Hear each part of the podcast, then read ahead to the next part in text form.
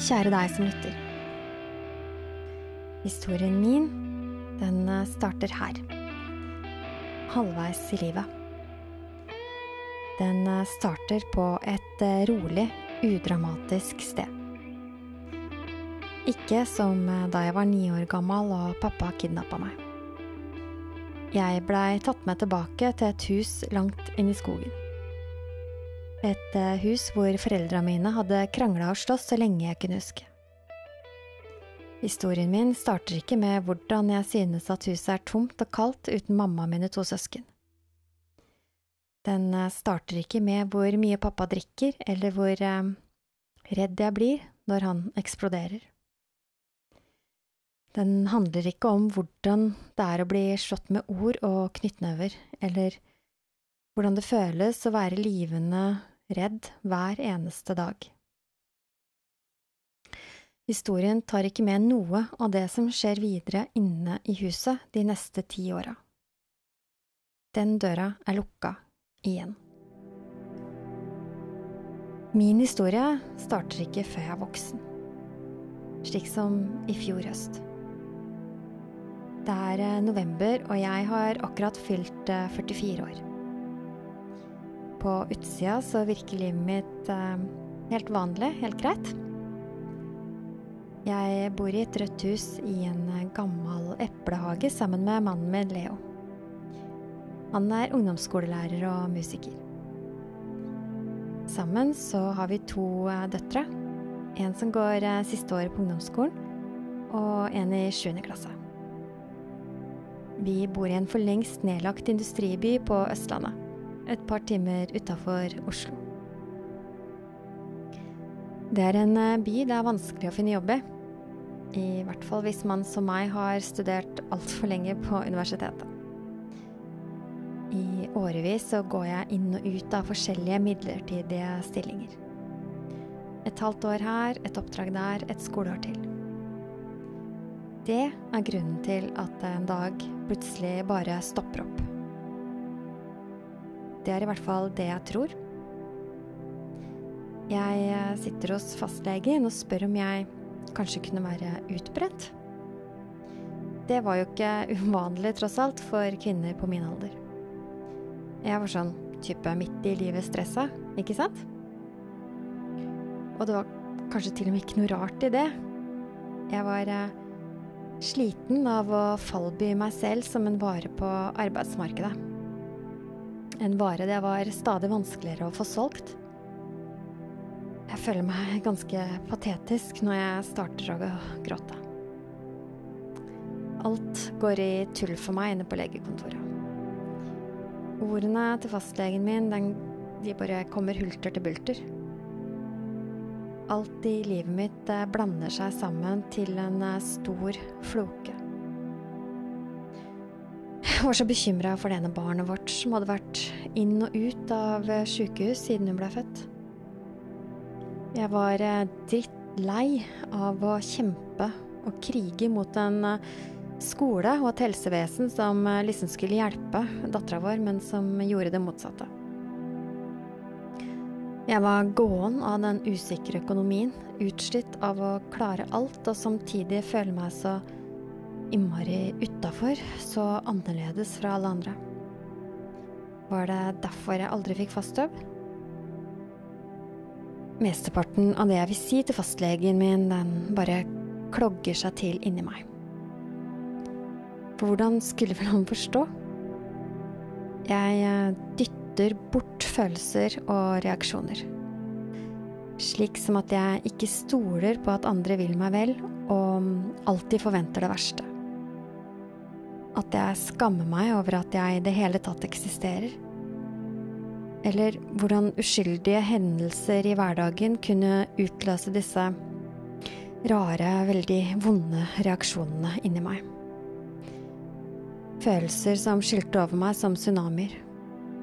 Det var akkurat som noen slo meg all kraft og kunne sette meg ut i dagevis. Jeg sitter på kontoret til fastlegen min, og tårene renner ned i kinnet. Jeg føler meg så verdiløs, så tom og håpløs. Hva var galt med meg, spør jeg fastlegen min. Hvorfor vil ingen ha meg? Jeg fortalte om vikariatet som ikke blei forlenga. Jeg hadde jo gjort alt riktig, ikke sant? Jeg var aldri borte fra jobben, jeg var kreativ og hadde som vanlig tatt på meg masse ekstra, bare for å bli lagt merke til. Legen sa jeg var deprimert. For første gang i mitt liv så blei jeg langtidssykmeldt. Det føltes som om jeg hadde kommet til veis ende da jeg kom ut av legekontoret med en henvisning til en privatpraktiserende psykiater. Det føltes som om hele livet hadde vært en kamp, og nå hadde jeg omsider gått ned for telling. Men i stedet hadde jeg, uten å vite det, tatt det første steget på en vei jeg hadde gjort alt for å unngå. En vei tilbake til fortida. En eh, vei jeg hadde brukt hele voksenlivet mitt på å slette fra kartet. En vei som hadde grodd igjen, som var eh, stengt ned, barrikadert og forbudt å ferdes på. En vei som leda til opplevelser jeg ikke engang ville vedkjenne meg. Som var eh, så grusomme og vonde at jeg hadde kutta dem bort. Skjært dem bort med kirurgisk presisjon fra det jeg ville skulle være meg. Jeg trodde jeg hadde lyktes ganske godt med det. Jeg tenkte aldri på oppveksten min. Jeg snakka ikke om den. Aldri. Den uh, var ikke min. Og hvordan jeg hadde den nå, det hadde ingenting med forhistorien min å gjøre. Det var to separate enheter. Mitt uh, voksne liv og den jeg hadde vært som barn og ungdom. Jeg var kun den voksne. Jeg visste ikke da at besøket hos psykiateren skulle endre på det her og lede meg inn på en ny vei. En vei som både skulle ta meg tilbake og fram. En reise inn i det dypeste mørket, men som kanskje også inneholdt flakkende lys. En vei det krevde mot og besluttsomhet å velge. En vei det var lettere å velge bort, men som man til slutt kanskje ikke kom utenom. Det var en reise som hadde blitt tatt av mange før meg. Fine folk som jeg var så heldig å få møte.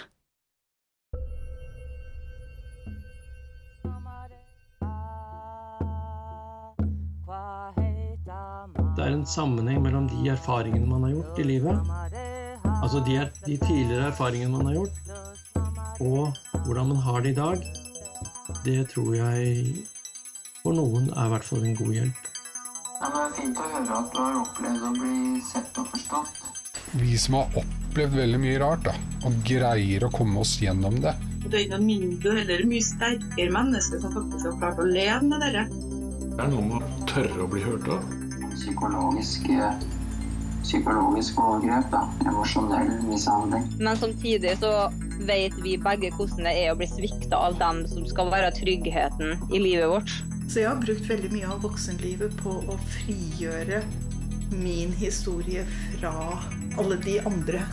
Jeg var ikke Jeg følte meg aldri bra nok. Jeg var ikke god nok.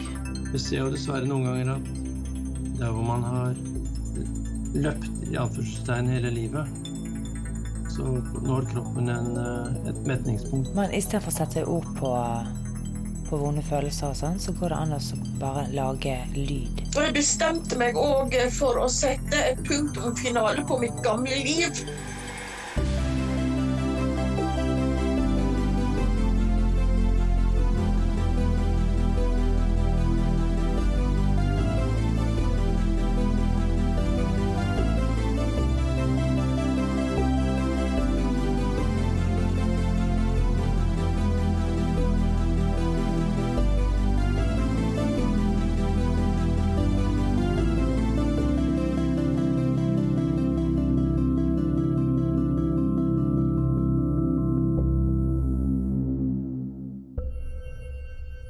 Var det noe lurt å grave i fortida?